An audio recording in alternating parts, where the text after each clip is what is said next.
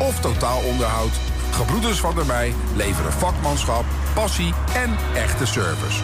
Je vindt ons aan de Lonnekerbrugstraat 80 in Enschede. De aardbeving in Turkije en Syrië heeft het leven van tienduizenden mensen volledig verwoest. Er is behoefte aan medische zorg, voedsel en onderdak. Daarom is jouw hulp nu nodig. Samen komen we in actie voor de slachtoffers van de aardbeving. Geef op giro555.nl. Ook ik rij op autobanden van Gebroeders van der Mei. Vind ons aan de Lonnekerbrugstraat 80 in Enschede.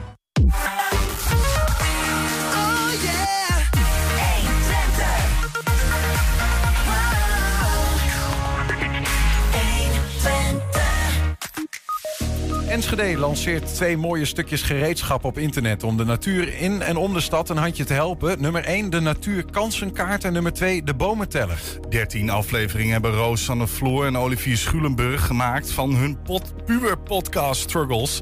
Afgelopen weekend de laatste, dus reden genoeg om bij te praten. Ron Jans en Jan Streuer zorgden gisteren voor een grote verrassing. Na dit seizoen vertrekken ze allebei bij FC Twente. Ze leggen uit waarom. In Enschede was vorige week de verlichte optocht door de wijk Twekkelenveld en wij waren daarbij. En ook een herhaling van het programma in Depot met vandaag de melkkar. Het is maandag 13 februari. Dit is 120 vandaag. 120. 120 vandaag.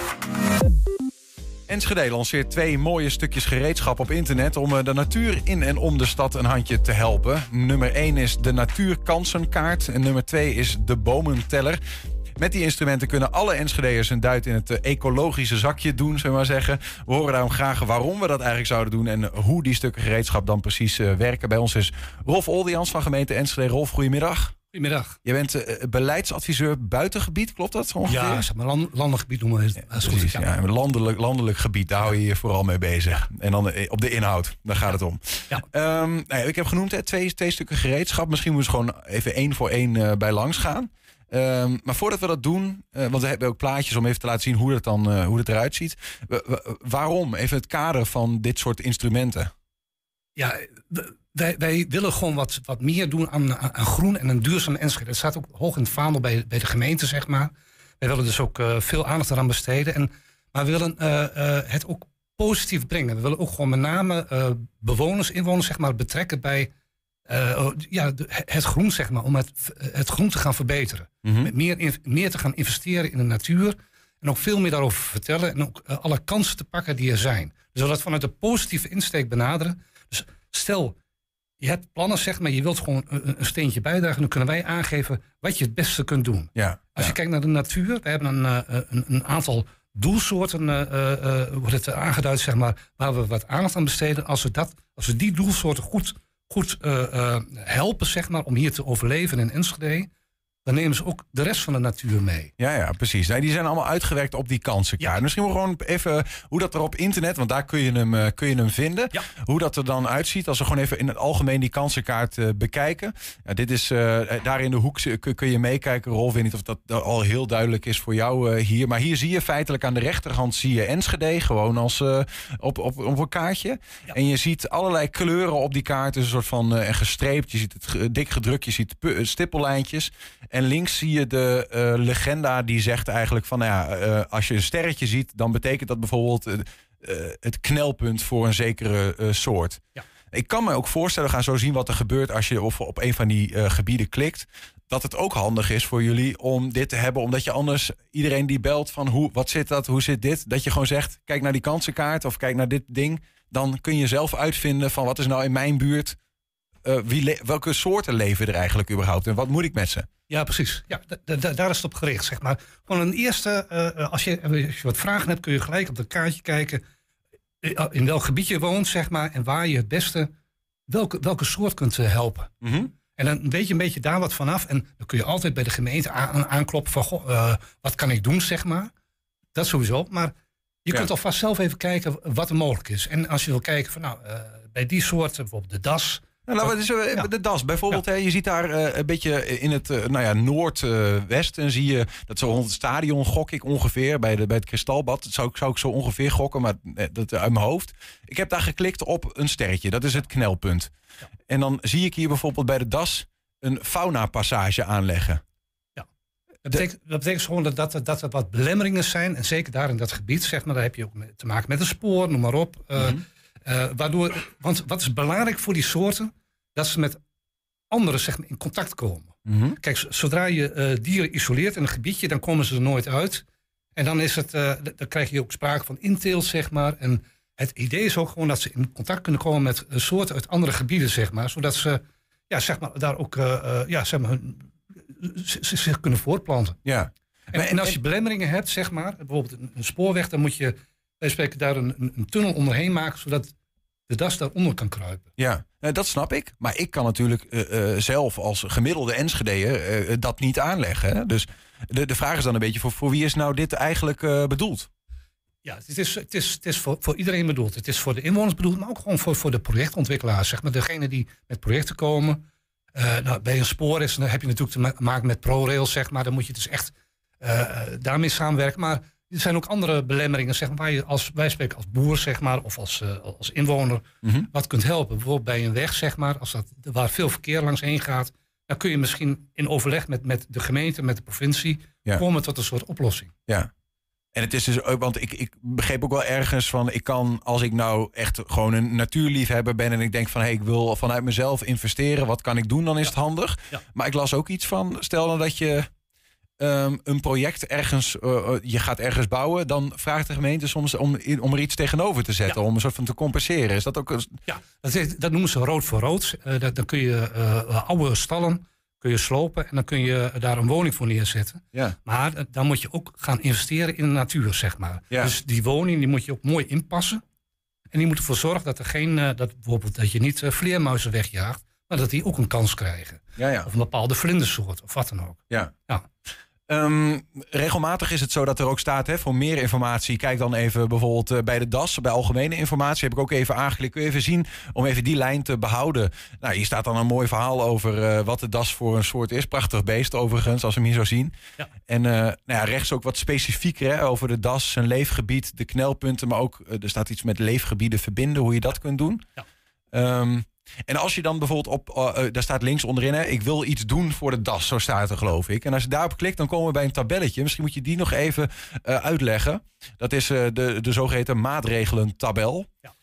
Wat, wat zien we hier? Want hier zien we volgens mij alles in één oogopslag. Ja, precies. Nou, kijk, om even te zien. Ik wil eventjes inzoomen. Ja, dit, dit is niet gemakkelijk hoor voor de Nee, gemiddelde. nou, even, even over het algemeen. Ja. Wat heel erg helpt bij, bij, bij heel veel dieren, bij heel veel soorten, is dat je eh, een soort onderbegroeiing maakt. Kijk, je hebt eh, eh, bomen, zeg maar, maar daartussen moet ook wat onderbegroeiing zitten. Want het zijn mooie verschuilplekken voor dieren. ja. En die moeten van, van de ene kant naar de andere kant kunnen lopen. Zodra ze in een open vlakte, in een open weiland lopen, dan zijn ze heel goed zichtbaar, ook voor roofdieren en voor mensen. En dan zijn ze bang. Mhm. Dan komen ze daar niet. Maar heb je ondergroei, zeg maar een soort, soort ja, route zeg maar, waar ze langs kunnen lopen, Ja. dan kan het heel erg helpen. En eigenlijk praat je dan over de houtwallen. De houtwallen en dan iets breder de singles, zeg maar, de houtsingels. Eh, eh, als je dat een beetje weer, die, die oude manier zeg maar, van werken, Ja. dus met die bos, bossages zeg maar, tussen de bomen, als je daarmee werkt, dan kun je heel veel diersoorten helpen. Ja, ja. Er zijn ook specifieke maatregelen die, of nou ja, die vrij algemeen voor al die soorten eh, helpen. En dat is ook een beetje waar je, waar, wat je, waar je bedoelde in het begin. Hè, van je hebt, eh, want je ziet niet alle soorten op die kaart. Het zijn er maar negen, geloof ik. Ja, precies. Maar het zijn de belangrijkste soorten, zeg maar. En met die soort kun je ook een heleboel andere eh, diersoorten meenemen of plantensoorten. Ja, Want het is, het is vaak, als je daar goed voor zorgt, zeg maar voor, voor de das, dan betekent ook dat een heleboel andere dieren daar kunnen komen. Nou, voor de das geldt dat die houdt niet van heel veel lawaai. Dus die moet wat rustige omgeving hebben. Mhm. Maar als je dat voor elkaar brengt, dat betekent ook dat je heel veel andere soorten ook een kans gunt. ja, ja. En daar gaat het om. Het is, het is even een één soort eh, bij de hand nemen. En, en dan neem je een heleboel andere soorten ook mee. Zijn er veel Enschede'ers die, eh, ja, die echt met hun handen zitten te jeuken van Ja. ik, ik wil echt iets voor die natuur Ja. doen? Of is Ja, het... het- je ziet het vooral mensen die eh, buitenaf wonen. En het is, het is, de natuurkanskaart is wel heel erg op, op het eh, landelijk gebied, zeg maar het buitengebied gericht. Ja. Mensen die daar komen wonen, die willen ook vaak wel daar wat aan doen. Die vinden het ook wel interessant. Ja, het gaat toch ook weer hun stukje grond, zeg maar. En dan zie je ook steeds meer dat er uh, aandacht voor is. Ja, ja. We hebben nog, nog een soort, even een ander lijntje wat, wat ik heb gevolgd. Hè. Even als je teruggaat naar die algemene kaart. En je klikt ergens in het meer zuid, uh, zuidoosten. Is dat denk ik op de kaart van de boomkikker. Of op, op het, daar staat er ergens een stippellijn. Dat betekent leefgebied verbinden. Nou ja, dan zie je ook weer staan. Hè, dan klik ik dat aan en dan zie je boomkikker met van voor meer informatie. Klik op de informatie van de boomkikker. Nou, als we dan op die informatie van de boomkikker klikken dan gaan wij, uh, zien we ook dit overzicht. Even om een voorbeeld te geven van hoe het kan werken. En ook hier word je dan weer, uh, krijg je wat informatie over dat ding. En je ziet van, nou, hoe kun je nou helpen? Nou, dan kom je weer terug bij die maatregelentabel van net. En zo is de cirkel eigenlijk rond. Dat je allerlei dingen aangeboden krijgt die je zou kunnen doen. Ja. Uh, het laatste ding wat ik hier even over wil zeggen is... er zijn niet alleen maar dieren, maar er is ook één... Er zit één plantje tussen. Ja, precies. Maar het is, het is ook gewoon... Ja, maar met die dieren neem je dus ook plantjes mee. Hè? Dus, dus het is ook... Uh, uh, de slanke sleutelbloem. Ja, Ik vond het een prachtige, prachtige naam voor een plant. ja, precies. Maar die, die, dus die, je zegt van, oké, als je hierin investeert, help je ook die dieren weer op een zekere manier. Dus de, het, de insecten, de dieren, het, het, hangt allemaal met elkaar samen. Je, je pakt er eentje uit en die om zich heen een heleboel andere soorten verzamelt. Ja.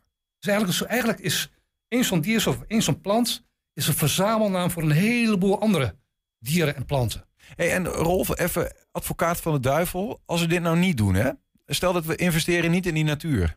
Wat gebeurt er dan eigenlijk? Waarom is dat zo'n ramp? Ja, het is, nou, wat, wat, belangrijk is dat je uh, verscheidenheid hebt. Hè? Dan krijg je uh, heel, veel, heel veel gras, heel veel uh, bramenstruiken, brandnetels. Ja, als je dat mooi vindt, is, is, is het ook prima. Maar je hebt niet meer die, die, die variatie. Mm en het typisch Twentse landschap is altijd kleinschalig geweest met heel veel variëteit. Mhm. en, eh, en dat is ook het, het leuke ervan, dat je elke keer weer verrassende soorten ziet. Als je telkens maar één soort ziet, ja, dan ben je snel uitgekeken. Maar is, dat, is, het, is het voor, eh, laat ik zeggen, ja, dat klinkt heel plat hoor, maar voor onze lol zit er ook nog een soort van echt iets in dat we zeggen van ja, als je dat niet doet, dan ga je aan het eind van de lijn gewoon ook last van krijgen. Ja, nou, uiteindelijk ga je er ook last van krijgen. Weet je, het is, uh, zodra je enkele soorten hebt, betekent ook dat, dat het heel uh, cruciaal is. Zeg maar, uh, je, je, gaat daarmee een aantal soorten missen hm. die ook belangrijk zijn voor, uh, voor allerlei gewassen die je hebt. Zeg maar. Het, het is, insecten zorgen ook voor een heleboel goede dingen. Die zorgen ook voor een gezonde leefomgeving. Voor, voor ja, zeg maar voedsel wat we eten. Ja, ja, ja, en alles bij elkaar maakt toch gewoon dat het heel belangrijk is. En het gaat ook om de veerkracht van natuur. Heb je één soort en die soort gaat weg, dan is natuur al bijna weg. Je, ga, eh, eh, je wil een veerkrachtige natuur hebben, zodat, je, zodat het ook sterk genoeg is om ja. zeg maar een, periode van droogte te overwinnen. Ja, ja. Je hebt veel verschillende soorten geven een breed fundament, om zo, zo maar te zeggen. Ja, snap ik.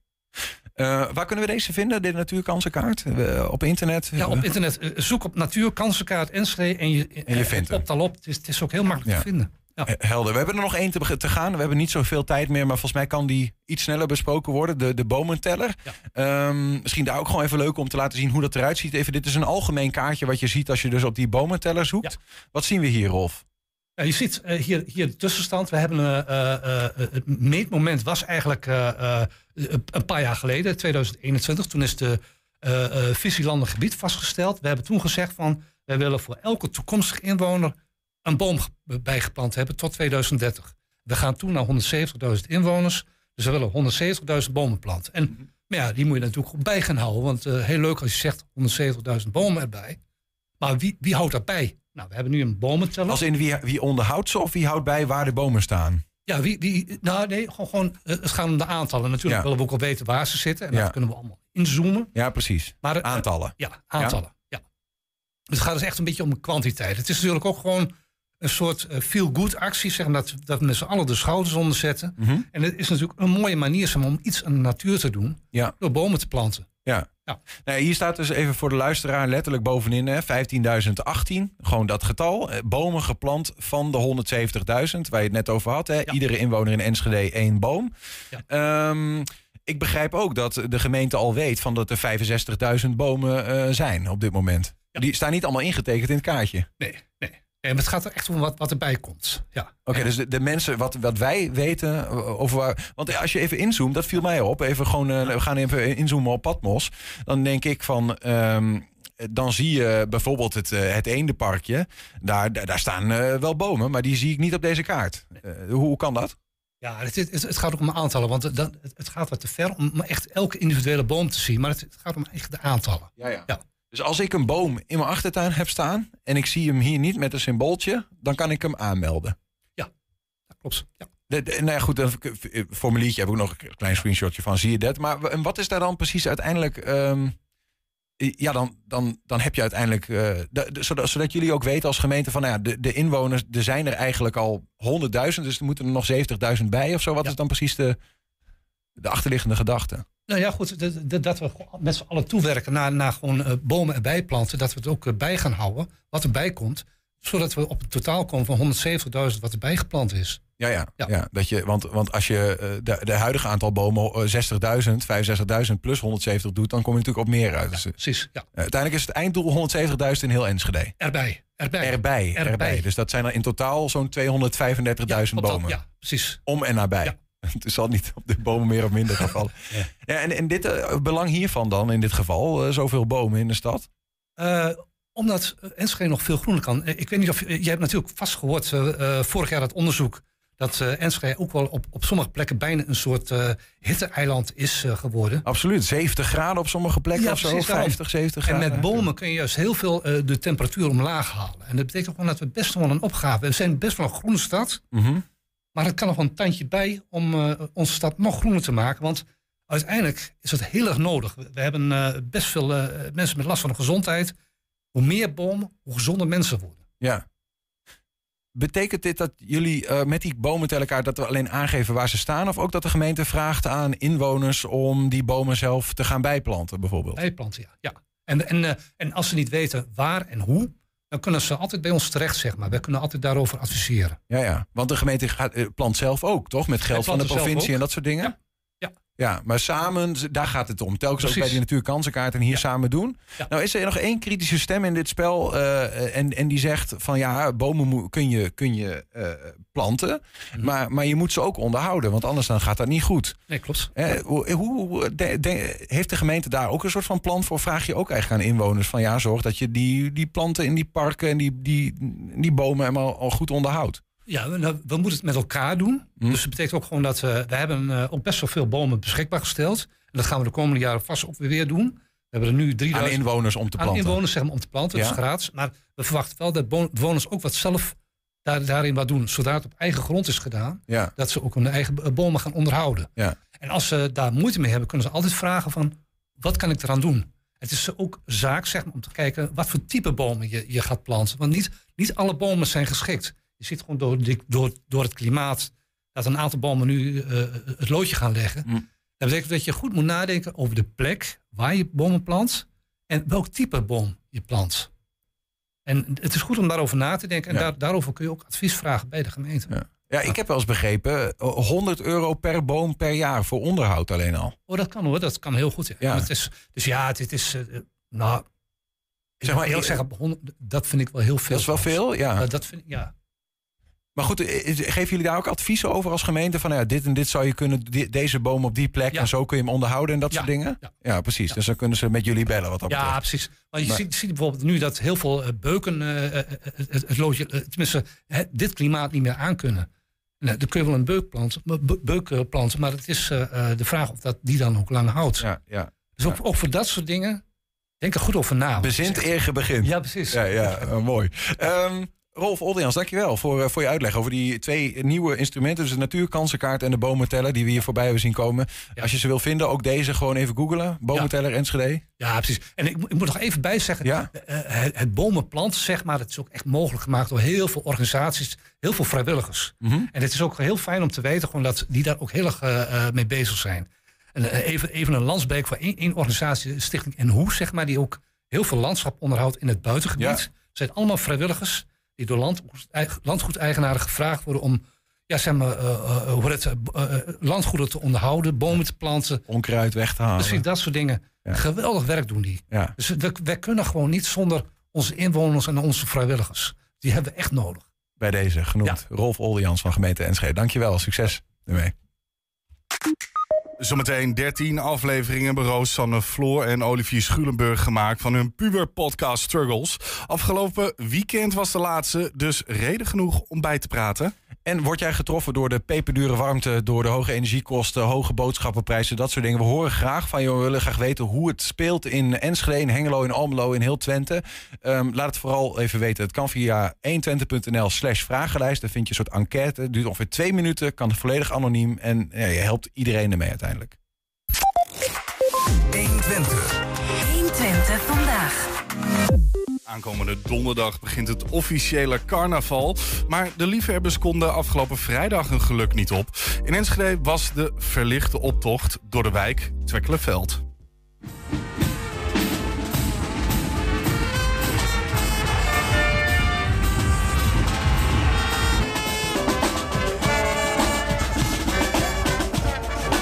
Wat zit je er lekker bij? Heerlijk, hè? Ja, ben je blij dat je weer mee mag doen? Echt wel. Ja, Maar je is het koud? Heb je het gemist ook een beetje carnaval? Ja, heel erg. Heel erg. Blij dat het weer kan? Echt wel. Ja. Hoe lang, eh, hoe lang heb je nu nog feest? Twee weken? Drie. Drie weken? Drie weken feest. Ja.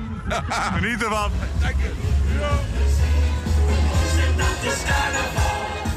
Weet je, wat, wat zijn jullie verkleed? Wat denk je? De viking, hè? Precies. Hoe lang zijn jullie met die pakjes bezig geweest? Ja, twee jaar hè? Ben je blij dat het weer kan? Heel blij. Veel plezier nog. Jullie ook. Houden jullie een beetje van carnaval? Ja! En verkleden dan? Oh, Als wat verkleed je het allerliefst? help. De hulk, je hebt al een mooie hulkpak aan, laat het zien. en hoe klinkt de hulk dan? Wat mogen jullie ook lang opblijven hier nu of niet? Ja. Ja? Dat is echt leuk. Echt heel leuk. Echt heel erg gemist. En als je dan nu weer hier staat, geweldig. Ja, wat hebben jullie er achterop staan? We zijn er weer klaar voor. Oh, kijk eens aan. We hebben gewoon opgedaan hè? En nu drie weken feesten? Ja, zeker, zeker. Ja, we zijn nog in de vijf andere optochten aanwezig. Dus eh, ja, je zult ons zeker terugzien eigenlijk vandaag. Mooi, je moet dus nog aardig wat medetjes maken met de wagen. Maar daar hebben we het ervoor over. En we Hoe lang-. Hoe lang hebben jullie aan die wagen gebouwd? Eh, we zijn eind eh, augustus is, ja, augustus is het eh, thema bekendgemaakt. En eind september zijn we begonnen met bouwen. Ja, Nu nog even doordansen. zeker, zeker. En vanavond ook nog wel. Is het niet koud? Ik heb het lekker warm. Zo, wat, eh, wat was het, Niel? Zou jij je kostuum niet een keer uitdoen weer? Leuk, leuk. Ik wist niet dat je als clown was vandaag. Zometeen, FC Twente won gisteren met klinkende cijfers van Volendam. Maar na afloop ging het maar over één ding. Het eh, aangekondigde vertrek van hoofdtrainer Ron Jans... en technisch directeur Jan Strooijer. 120. 120 vandaag. Maar eerst iets heel anders, want eh, tranen met tuiten. De 13 afleveringen van de podcast Struggles van 120 zitten, zitten erop. Eh, Roos en Olivier zijn bij ons aangeschoven, de makers daarvan. Afgelopen weekend verscheen jullie allerlaatste, eh, want jullie stoppen ermee. Ja, klopt. de Zeggen ze in struggles zijn op. Oh, ja, dat is ook Oh, er positief. vallen vast wel wat meer te krijgen. ja, ja, precies. Gaan we even voor zorgen dan Ja. bij deze. Ja, ja, ja. Nee, maar ja, dat is, eh, de vraag is natuurlijk: is dit een, een verlichting eh, of is dit eh, jammer? Wat, wat vinden jullie? Waar zitten jullie op de schaal? Ja, het is een beetje bitterzoet, denk ik. Ja, mooi gezegd. Ja, kijk. Bitterzoet. Ja, het is een beetje een, een logisch einde, denk ik wel. Het is eh, geëindigd wanneer het moest eindigen, heb ik het idee. Maar het blijft natuurlijk altijd jammer. Want het was hartstikke leuk om te doen. Ja.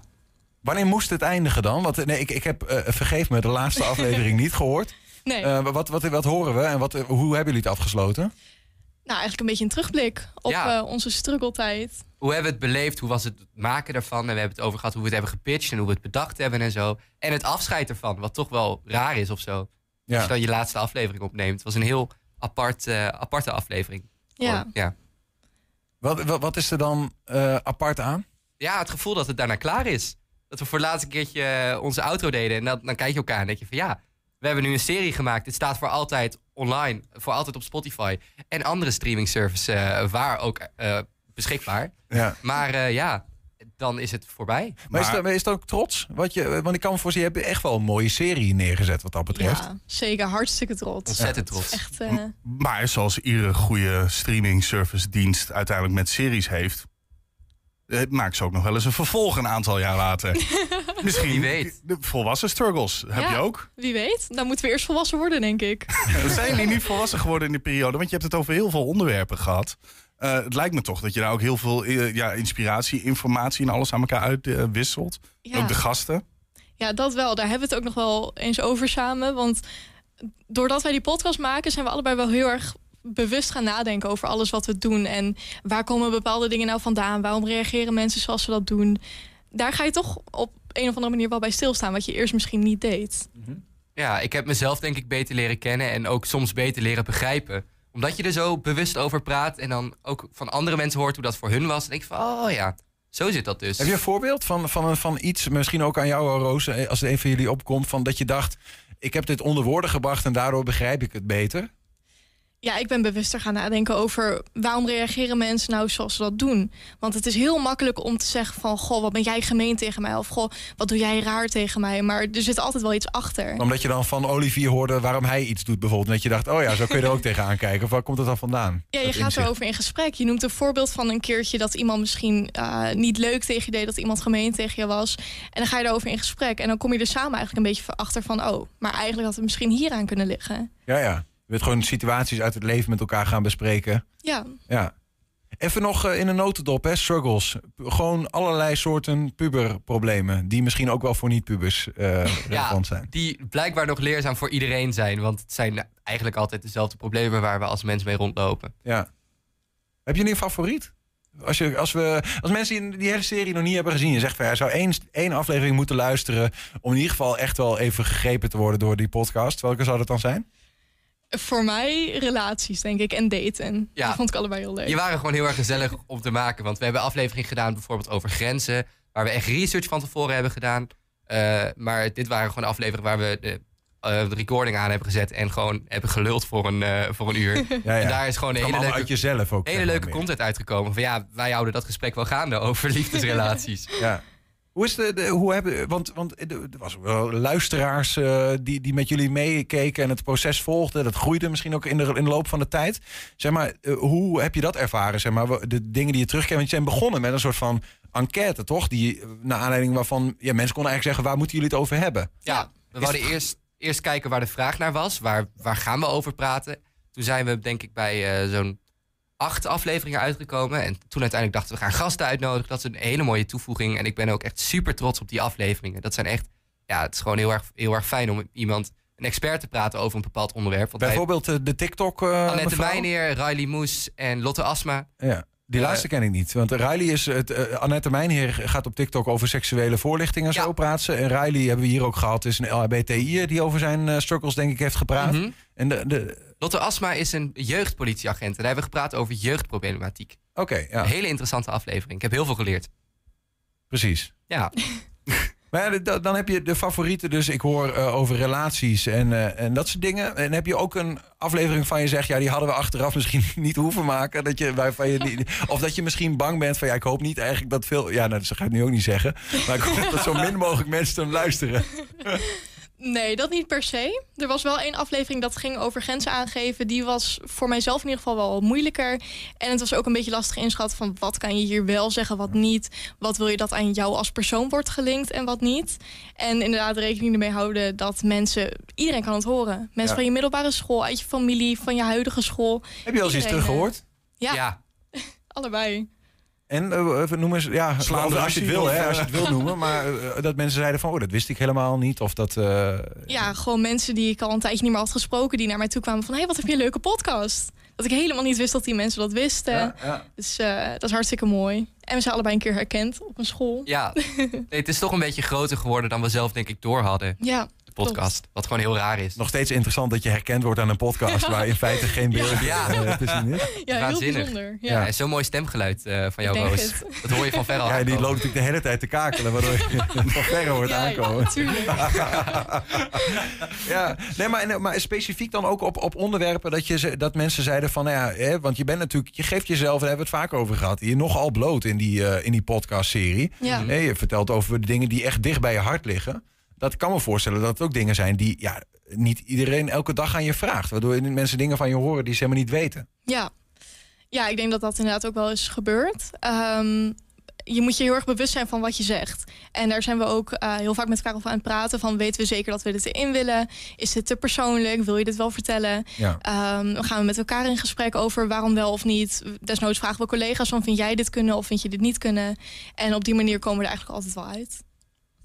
Wa- waarom moet er eigenlijk nu gestopt worden? Ja, alles is op, hoor, zeiden jullie al. Maar ja, Ja. goed, eh, als je echt even dieper graaft, heb je vast nog wel weer meer. eh, We hadden, ik denk, echt nog wel eh, twee keer zoveel kunnen maken. Maar we, zijn, we geloven wel in stop op je hoogtepunt. ja. We zijn nu gewoon super trots en Er super net blij. Ron, Ron Jans en eh Ja, ja, exact. Super blij op wat we hebben gemaakt. En het is nu af. En het, het rust nu, zeg maar. Het is overal te bekijken en te beluisteren. Ja. En het is, het is ook goed, denk ik. Ja. Blijven de tips ook nog actueel? Of hebben jullie het ook echt over tijdsgebonden dingen? Dat als je stel je voor, je kijkt hem bijvoorbeeld over vier jaar, dat je dan nog steeds denkt: hé, hey, dit is best actueel nog. Ja, Dat- dat is. ja. Ik denk het wel. Ik denk dat over het algemeen de problemen hetzelfde blijven. Wel een heel groot ding is het technologie. We hebben het heel erg over telefoons en zo. En nou ja, dat had je tien jaar niet geleden niet kunnen bedenken dat dat zo'n groot deel zou zijn van puberteit. Ja, hoe ziet de puberteit er over, over tien jaar uit? Misschien is dat nog weer heel erg anders. Ik denk dat dat heel snel gaat. Maar ik denk de meeste dingen waar we over praten, dat dat gewoon nog steeds superleuk is om terug te luisteren. Wat, wat, met welk idee eh, gingen jullie eigenlijk die podcast in? Als hadden jullie een soort van doel voor jezelf? Dat je dacht van ja, dit, dit willen we bereiken. We willen gewoon maar, we willen tien afleveringen maken. Of we moeten echt iets inhoudelijks bereiken of zo. Nee, het was meer denk ik gewoon, eh, we beginnen, we vinden dit leuk en we kijken waar het strandt. We kijken hoe lang we door kunnen gaan. En zolang dat kan, dan blijven we het doen. En als het stopt, dan is dat ook goed. Ja, dat is wel, dat, dat doel is, dat haal je Ja. dus ten alle tijden. Ja, Maar was het ook therapie? Ja best Ik wel. denk het wel, ja. Ja, dat je echt dacht van, oh, ik zit nu met iets en ik ben echt blij als ik met Roos hierover verder kan praten. Ja, er werd altijd wel eh, wat tea gespeeld in de studio. Of de microfoons nou aanstonden of niet. Ja, niet alles is ook in de aflevering gekomen. dat is gewoon voor ons. Maar eh, Oké, veel wel. die zijn nooit meer ergens te vinden. Gelukkig maar. Behind the scenes, dat hier, gelukkig maar. diep in de archieven. De rest is wel terug te vinden. Dat is voor nu het einde van Struggles. Wie weet. Eh, is dat ook weer, hoor je erin staan? Wie weet komt er een vervolg, maar voor nu niet? Wie weet. Wie weet. Ja, oké. Zeg nooit nooit. Ja, eh, te vinden op alle bekende platforms. Hè. Struggles 120. Eh gaat bekijken, gaat luisteren. En eh hebt, er, eh, hebt er wat aan, op welke manier dan ook. Eh, Olivier Roos, dank je wel voor een mooie serie. En eh, oh, we- beide ook voor jullie stage geweest, toch? Soort van. Is Ja. dat nu ook al- allemaal klaar? Jij moet nog even, toch? Ik moet nog even. Ja, ja. Je bent er niet helemaal. Jij, Roos? Ja, mijn stage is dus nu voorbij inderdaad. Ook geslaagd. Ja, geslaagd. Mooi. Ja. Hopen dat voor jou hetzelfde geldt, eh Ja, Olivier. ik, ik ben blij dat ik nog lang mag blijven bij deze mooie omroep. Het gaat helemaal goed komen. Nou, dank. Leuk dat je erbij blijft. In ieder geval voor een tijd nog. Bij deze. 120. 120 vandaag. Ja, FC Twente won gisteren met klinkende cijfers van Volendam. Maar na afloop ging het maar over één ding. Het aangekondigde vertrek van hoofdtrainer Ron Jans en technisch directeur Jan Strooijer. Wat doe jij nou? Ja, je hebt het gehoord. eh, het is eh, verrassend voor velen. Hè? Ja, je hebt iedereen eh, een beetje verrast hier ja, in en rondom de vesten. Waarom? Ja, waarom? Kijk, er gingen al namen rond van mensen die mij eventueel konden opvolgen. Verleden week heb ik iets gelezen in de Telegraaf bijvoorbeeld. En, en dat klopte ook wel. Dus dan weet je dat, het, dat je misschien nog een jaar kunt blijven. Maar ja, het moment om te vertrekken is nabij in ieder geval. Dus eh, dan kun je zeggen, oké, ik blijf nog een jaar. Maar om, eh, om iemand een jaar in te werken lijkt me erg veel. Dan kun je zeggen een half jaar, nou dan zit je in januari. Ik denk in eerste instantie dat nu het beste is 1 juli... en eh, mogelijk tot en met de transferperiode 1 september. Zo zou, maar daar is nog niet over gesproken, maar dat zou kunnen. Dus jij wordt nu de assistent van Arnold Brugging? Nee, dat denk ik niet. Ik ben sowieso verantwoordelijk tot 1 juli. Maar eh, ik vind wel dat als je nieuwe spelers moet aantrekken... een nieuw team moet maken, dat er een nieuwe trainer moet komen... dat daar een nieuwe man wel in betrokken wordt natuurlijk. Die moet daar, die moet daar 100% achter staan. Dus ik... eh, eh, ik vind dat het zelfs zo is dat als hij vindt dat een bepaalde speler moet komen... en ik vind dat niet, dan mag hij voor mij de doorslag geven. Ja, Maar waarom ga je zelf niet verder? Ja maar ja... Of wilden ze niet verder met je? Nee, maar ik, er werd gesproken over iemand die mij moet opvolgen. Maar dat is al drie jaar het geval. Dus eh, ja, dan komt er een keer een eind aan natuurlijk. Maar ben je er een keer klaar mee ook? Met dat er altijd maar over, ja, Jan zit hier dan tijdelijk? Nou, nee, ik, ik vind het prima. Drie jaar was, was goed. We hebben, we hebben het geweldig gedaan en eh, we hebben goede resultaten gehad. En Twente staat weer waar ze, waar ze moeten staan. Maar ja, misschien was het mogelijk geweest als ze bijvoorbeeld verleden jaar hadden gezegd van... eh, nou, jullie doen het geweldig, we willen met twee jaar verlengen. Had je nu geen probleem gehad natuurlijk. Maar dat is niet gebeurd. Nee, want dan had je in die tijd wel de handtekening gezet onder een tweejarig contract. Ah, dat, dat, dat wil ik niet zeggen, maar eh, de, de men, is wel, de, is- men is wel veel bezig geweest met eh, het vervangen van ons, laat ik het zo zeggen. Ja. En Maar, dat- maar ik neem... en dat stoort je? Nee, nee, nee, nee, dat stoort me niet. Ik kan me dat heel goed voorstellen van een club. Als je een technisch directeur hebt van, van 70, 71... dat je wel een keer denkt van er moet een ander komen. Dus dat is niet, dat is niet gek gedacht. Je zit zo wel even te denken, hoe oud ben ik eigenlijk, hè? Ja, het gaat snel, hè? 71, bijna 72, oh, tenminste in mei. Maar, maar dat is niet, eh, niet eraan gedacht. Maar eh, ja, goed, technisch directeur kan je ook tot je 75 zijn. Dus dat is geen enkel probleem. Ja, en er is toch, eh, hè, eh, toch weinig kritiek op eh, Jan Strooijer. Sterker nog, eh ome Jan, zoals je liefkozend eh, wordt genoemd al in eh, verschillende media... ja, die wordt hier op handen gedragen. Dus eh, de supporters die dit zien, die denken... wat doen ze daar nou in die RVC? Ja, ja, kijk, en ik heb ook helemaal geen probleem. Kijk, want het komende seizoen, of laten we zeggen de komende transferperiode... wordt het moeilijk. Er zullen waarschijnlijk wat transfers gedaan worden en noem maar op. eh, maar daar loop ik helemaal niet van weg. Want anders was ik hier ook niet gekomen. Want slechter kon het niet dan in, eh, dan in 2020 in de zomer. Dus dat is, voor mij was dat geen probleem geweest. en eh, ik heb er nu ook geen probleem mee om te helpen... met, met een nieuwe selectie voor het nieuwe seizoen... en, en daarin mijn verantwoording te nemen. Dat, is, dat vind ik ook geen enkel probleem. Ik blijf toch met de vraag zitten, wie heeft nou het besluit genomen? Kun je dat voorstellen? Nou, dat, dat doe ik zelf. Ik, ik doe dat zelf. Als ik graag had willen blijven. Want ze hebben in november al gevraagd of ik nog een jaar wilde blijven. Ja. Maar goed, toen kwam een, eh, de, de nieuwe, of de nieuwe eh, technisch directeur in beeld. Ja, maar ja, het is het moeilijk om, eh, om een jaar lang met twee technisch directeuren te gaan werken. Dus dan wordt het maximaal misschien een half jaar of zo. Maar goed, dan denk ik van een goed moment om, eh, om te besluiten is... eh, nou, laten we zeggen 1 juli of 1 september. Ik dacht een hele rimpeloze middag, niets aan de hand. Gezellig interview met Ron Jans over de wedstrijd. En ineens, ja, dat kan alsnog. Nou, dat, dat bewaren we dan even voor het laat. Want ik wil toch even het, het, eh, het nieuws heet van de naald erbij pakken. Eh, Ron Jans gaat vertrekken bij FC Twente. Waarom? Eh, omdat eh, er in drie jaar tijd hebben we een vooruitgang geboekt eh, als club. Dat is echt ongelooflijk. Ehm, in 2,5 jaar tijd eh, staat er opeens eh, een elftal. ehm, en en ik vind de manier waarop er gevoetbald wordt is ook prima. Ehm, de, de jeugd heeft weer mee mogen kijken. geweldig. De manier van voetballen heeft zich eh, eh, heel positief ontwikkeld. En dan krijg je dat vliegwiel, want daar moet het gebeuren. En als dat gebeurt, dan wordt het makkelijker om het stadion vol te krijgen... om sponsors te krijgen, om het publiek enthousiast te krijgen... om het gevoel weer bij Twente te krijgen. En ja, ehm, ja met zo'n erfenis wi- wil ik eigenlijk vertrekken. En niet, niet, eh, ehm, niet op, een, op een moment dat het zeg maar, wat, wat minder zou gaan. Ja, zit er dan een bepaalde angst eh, in vergelijking ook met, met Zwolle... waar het vierde seizoen ja, het meest stroeve seizoen was? Ehm, ja, je hebt dat wel eens vaker benoemd en dat had ik tegen jou gezegd. Maar dat is geen angst, want eh, ik vind dit echt een eh, geweldig dapper besluit van mezelf. Want ik ruil op dit moment absoluut Twente niet in voor een andere club. Ik heb geen idee wat er op me afkomt. Ik heb wel zin in eventjes wat rust en, en, en, en, en vrije tijd. Ehm, maar ja, ik, ik ik, ik, vind gewoon eh, wat, hier is neergezet. En dan, dan wil je gewoon door de, door de voordeur wil je gewoon eh, naar buiten. En, eh, en daar gaan we ook alles aan doen omdat eh, dit seizoen, want het is nog niet klaar hè. Pas 1 juli loopt mijn contract af. En, ehm, en dan, ehm, dan ben ik voor eeuwig ehm, ehm, ook supporter van, van FC Twente. Ja, ik snap het. eh, lovende woorden ook. Maar zit er misschien ook, want ik sprak net eh, Jan Streuer. eh, die heeft het wel eens gestoord dat hij ja, elke keer maar weer tijdelijk moest verlengen. Dat er eigenlijk nooit is gesproken voor de lange termijn. Ehm je hebt je ook wel eens volgens mij verbaasd over dat het zo lang duurde voordat je wat hoorde.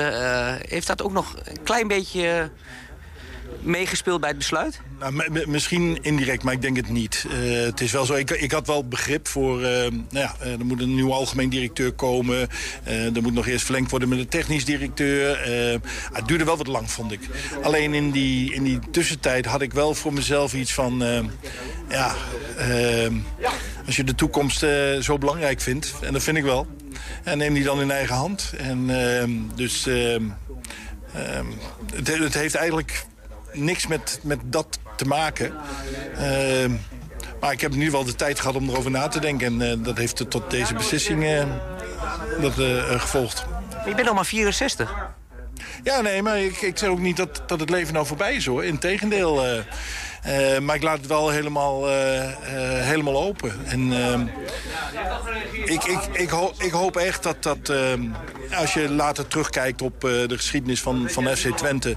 dat deze jaren ehm, dat daar heel positief op terug wordt gekeken. En ik denk dat er heel veel positieve dingen zijn. En daar, daar waren we en daar was ik een, een onderdeel van. En dat, dat voelt fantastisch. Je hebt de, de groep ook toegesproken in de kleedkamer. Hoe hebben zij gereageerd?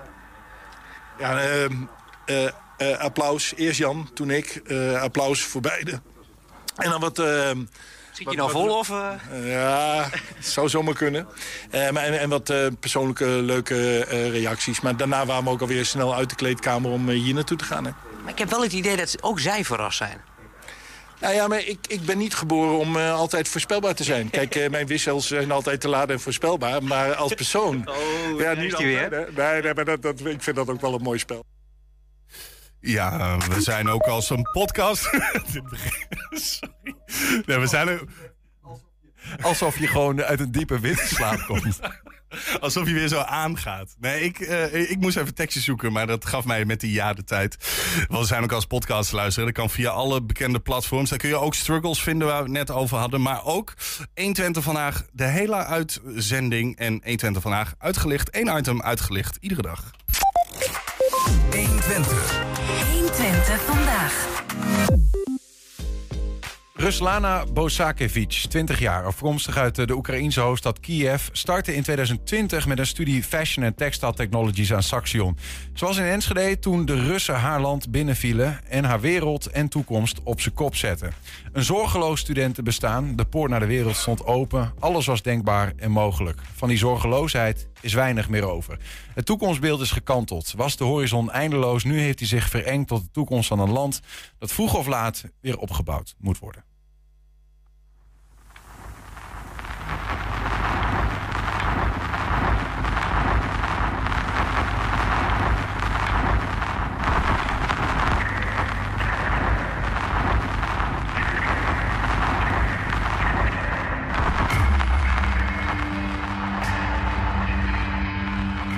Like it's impossible to explain the feeling because, like, you can't believe in it. You just think like, yeah, I would, like, I would woke up, just a bad dream. I would woke up. But to my mom's brother. He was, like, he's in police and he's south of Ukraine, and he just like he acted like, yeah, it like it started. And he said to all of our family just like to leave Kiev and everyone was just like yeah like that like the life changed in just like in one day. He used to live like in a prosperous european country from my perspective. And now you live like in a, like in a country in a war.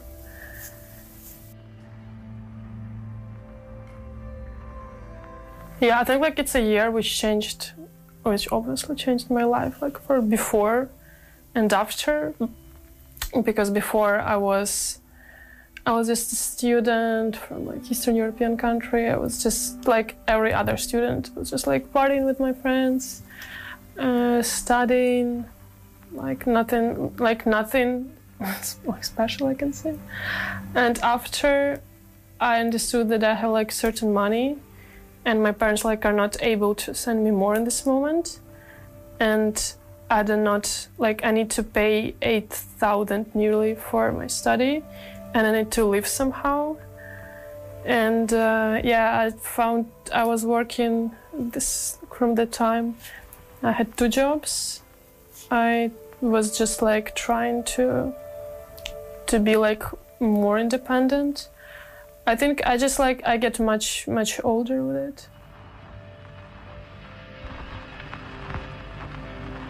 During the first months, because my parents are living in Kiev region, and it was a certain point when Russians were like occupying the Kiev region, and uh, I saw that my parents are like this it, it, it, like certain village was occupied by russians. And i think it's like as far as people know from news if russians are occupying the region they're just like murdering killing like raping people there all that stuff.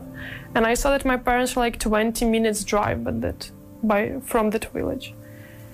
And i just like it was first two like somewhere in first two months i texted them like like hi like where are you? Please answer me. And they they were not answering me and no one from my family was answering me like for like for four hours and i was eh, like i was just sitting at home like like stop what's happening? And then they texted me that they they just like ran to my grandmother's house which is like in the western part of ukraine. And i was so angry. I was like why haven't you said to me? And they were just like we were like running. And i was yeah but like in these moments it may seem that like yeah they would contact you after but like in these moments of life you feel like like yeah they already like that that's that's like that's the end but um, yeah it was really stressful moment but uh, from that time i'm so i'm so glad that Kiev was never like occupied, like even the regions next to Kiev were never occupied again. The way I saw the world, it like it changed so much because now like when I was applying for this, I thought like yeah, I like clothing, I like like seam stitches like and all that stuff and that's what I want to do in my life. But now I think what if World War III begins? What can I do then? I need to have like a backup plan. How can I apply my knowledge in this field? Could I be helpful in making like vests or helmets? If I would do this, which knowledge do I have? What kind of experience do I need? Can I go more into textiles? Like I'm just thinking like think, I think more in military perspective. I just hope that, yeah, that everything in my country would go like a bit, a bit better, and the people who are in occupied regions would not suffer anymore, but be liberated. And that are my biggest hopes.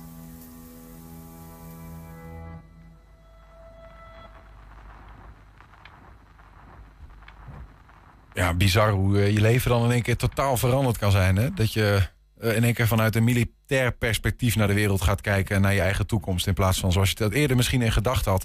Je hoorde uh, Ruslana Bosakevic, 20 jaar dus, uh, studeert aan het Saxion. Dat deed ze ook al toen de oorlog uitbrak. Er komen meer van dit soort portretten aan. Dit is de eerste uit een serie van Oekraïnse studenten die dus in Enschede wonen en naar school gingen. Ook al toen de oorlog uitbrak en dat nog steeds doen. Hou onze website in de gaten 120.nl voor het vervolgen. En we brengen ook via podcastkanalen alle gesprekken, maar dan in hun volledigheid. Heb je een tip voor de redactie? Mail dat dan bij info.120.nl 120. 120 vandaag. Deze week duiken we in ons eigen archief en herhalen we afleveringen van In Depot. Waarbij collega Ernst Bergboer de opslagruimte van de museumfabriek aan een onderzoek onderwerpt. Hij heeft al veel objecten en bijbehorende verhalen gehoord. Waaronder van deze die alles te maken heeft met een welbekend wit drankje. Dat is illegaal, dat is uh, een pak melk van Niels. Melk is goed voor elk, maar niet voor Jan, want die piest ervan. Maar melk schijnt helemaal niet zo heel goed te zijn. Ik schenk het ook niet voor mezelf in. Uh, drie glazen per dag, maar voor, uh, voor Niels, die houdt erg van melk. We gaan zo naar de museumfabriek, maar uh, eerst even Niels bedienen. Hè? Want zonder dat kunnen we niet weg. Edwin, we hebben een halve verbouwing moeten plegen. Dit is echt helemaal ergens een soort kruip door, sluip door. En toch staat hier een, het topstuk van een museum is misschien een beetje overdreven. Maar er staat hier wel iets bijzonders. Het is wel een van mijn lievelingsvoorwerpen. Oké, dit is het, voorwerp, ja, het, het voorwerp, het Ja, object, is- het ding.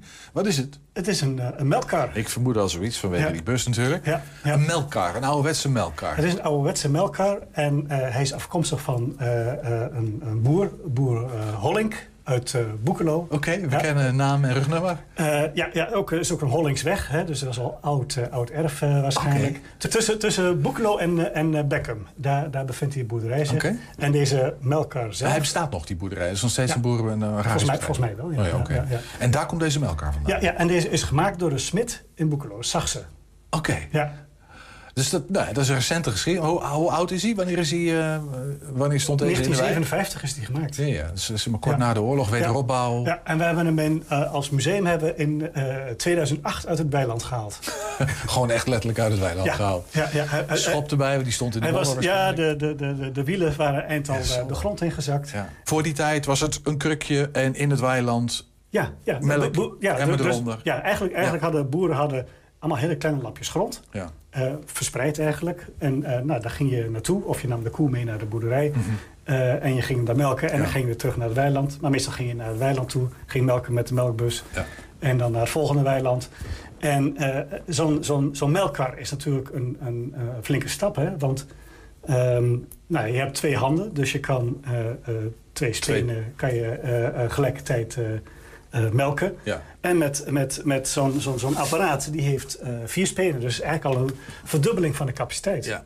Ja, ja plus, eh, en dat ging mechanisch. Maar hoe, zonder al te technisch te worden, hè, maar, want hoe, werkte dat? Iets met vacuüm of zo, kan ik me Ja, ja er zat, er zat een, een dieselmotor in, die zit er niet meer in. Maar er zat een soort, soort vacuümpomp aan. Die dieselmotor die dreef een vacuümpomp aan. Mhm. Er zat aan de bovenkant, dit hier zo, dat is een, een, een ringleiding. Ja. Dus dat, de, Mhm. die, die, die, die zoog eigenlijk. Ja. En, die, eh, en aan die ringleiding waren deze apparaten weer verbonden. Ja. En nou, die hadden dus een soort zuigkracht.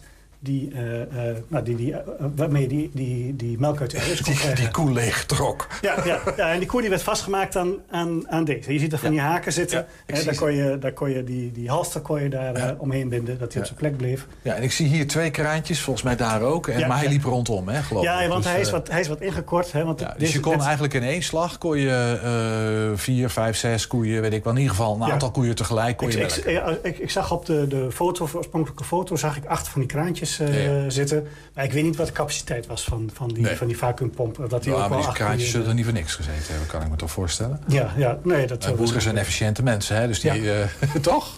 Nou, ja, precies. maar laten we even zeggen, in ieder geval een flinke vergroting van je productiecapaciteit. Dan heb je dat van je melkcapaciteit. Je kon veel meer melk in één keer. Ja, ja, ja, en dat is natuurlijk, hè, dat is 1957, dat is, dat, dat is eh, wel een moment. In 1955 begon men ook met, met, eh, met eh, ruilverkavelingen. Dus je moet voorstellen, na de Ja, Tweede Wereldoorlog... Al die eh, er, was eigenlijk, er was eigenlijk er ook van, het, van, de, van de overheid een beleid... van dat, je, eh, eh, dat, dat Nederland eigenlijk zelfvoorzienend moest worden met, met landbouw. Ja. Dus Dus na de oorlog, babyboom, Ja. productie moest groter en de, en, de- en de wereldmarkt opende en zich de- natuurlijk. En de tekorten in, in, in de oorlog, Ja, die waren steeds in de herinnering van... wij moeten zoveel mogelijk gaan produceren. En daar werd ook beleid op gevoerd. Er was een, een, een wet op de ruilverkaveling kwam er. En die ruilverkaveling heel even, hè, want dat is natuurlijk een term die... eh, Ik ken hem ook hè, uit Ja, mijn ja, jeugd. ja. Maar misschien dat niet iedereen dat weet. Ja, je, ja, je moet je voorstellen, al die, die, hè, dat, vaak was dat door overerving... dat, dat, dat, dat boeren hadden overal kleine lapjes grond. Hè, en je kan je voorstellen dat dat... dat, dat Versnipperd over- Versnipperd over, over het landschap, dat kan best heel ver zijn. En je kan je voorstellen dat dat, dat, eh, eh, nou, dat, dat niet efficiënt werkt. Dat kan wel... Nee, want je moet van het ene een- postzegeltje grond naar het andere Het postzegeltje. ziet er prachtig uit, hè? want we gaan niet voor niks hier graag naar de regio en naar de Achterhoek vanwege het coulissenlandschap, kleine lapjes grond. Maar voor de boeren was dat eh, eh, niet efficiënt werken. Of niet, niet, ja, het is praktischer om een grotere lap grond te hebben. Dan kan je dat makkelijker met een trekker eh, omdraaien. Eh, nou, het allerlei, allerlei voordelen. je kan ook allerlei... Hè, de, de, de afrastering die was ook vaak met, met bomen. Die kan je opruimen. Je krijgt wat meer landbouwgrond. Ja, dus in, in, zeg maar, vanaf 55 zijn hele delen van Twente zijn verruilkaveld. Het zijn grotere stukken grond geworden. Ja, En, eh, ja, ja, dat ging niet met slag of, nee, zonder slag het is een enorm politiek gedoe geweest. dus. Ja, ja, ja. En, en je kan je ook voorstellen dat als, als grond eeuwenlang eh, in je bezit Ja. is geweest, dat je Ja. daar een gevoel bij hebt. Eh, en dan moet je dat ruilen met, met, met, met iemand anders. hè. Met Dat de buurman. Met de buurman, ja. En, en hoe bepaal je nou wat de waarde is van de grond? De ene grond is beter dan de andere eh, grond. Ja, precies. Hij staat hier dus symbool voor, inderdaad voor, voor mechanisatie, schaalvergroting, ruilverkaveling. Want hoe breng je nou iets, een, een begrip als ruilverkaveling? Er is niks wat zoveel invloed heeft op de, op, op de, op de ruimtelijke omgeving, wat gat heeft op de ruimtelijke omgeving als, als die ruilverkaveling. hè? Hè? Dus, dus dat, is besef je helemaal niet. Maar, maar eh, ja, hoe geef je dat nou weer in een voorwerp? Nou, je hebt een heel verhaal nodig om dat te vertellen aan de hand van zo'n zo'n melkkar. Ja. Eh, maar deze staat echt wel symbool voor, voor, eh, voor die mechanisatie. Ja, ik snap nou ook jouw voorliefde voor dit object als landschapsgeograaf. Want jij wilt dat beschrijven en dit, dit, ja, die melkkar verbeeldt het als geen, bijna geen ander voorwerp. Is er een museum in Nederland waar een melkkar staat? Ik kan me niet voorstellen. Een raar museum. ik ook? Ja, echt, we zijn echt een museum van, van alles en nog wat. Zelfs, tot, zelfs een melkkar. Ik vind het wel, opnieuw, ik zeg dat volgens mij elke keer. Ik word een beetje moe van mezelf. Maar ik vind het wel weer een heel mooi verhaal. Het is echt gewoon een mooi ding. Ik drink helemaal geen melk meer. Hè, Nee, dat is- niet ben je bij de helemaal. Ik drink nog wel melk, maar niet hier. Want ik heb allemaal shakes. Hè. Als je een referral link wil, moet je even laten Ja. Niels, welke dag is het vandaag? Het is maandag. Het is Wereldwijde Radiodag. Henk Ketting, zometeen op de radio. Wij zien je morgen. Oh. Veel plezier. Oeh, dan moet ik wel eventjes het goede starten, want ik start gewoon het verkeerde. Een witje op Wereldwijde Radio. Weet wat er speelt In Twente. Met nu het nieuws van 5 uur. Goedemiddag, ik ben René Postma. Minister Kuipers heeft de knoop doorgehakt over de kinderhartcentra. Die in Groningen en Rotterdam blijven, Utrecht en Leiden gaan dicht. Kuipers vindt het beter voor de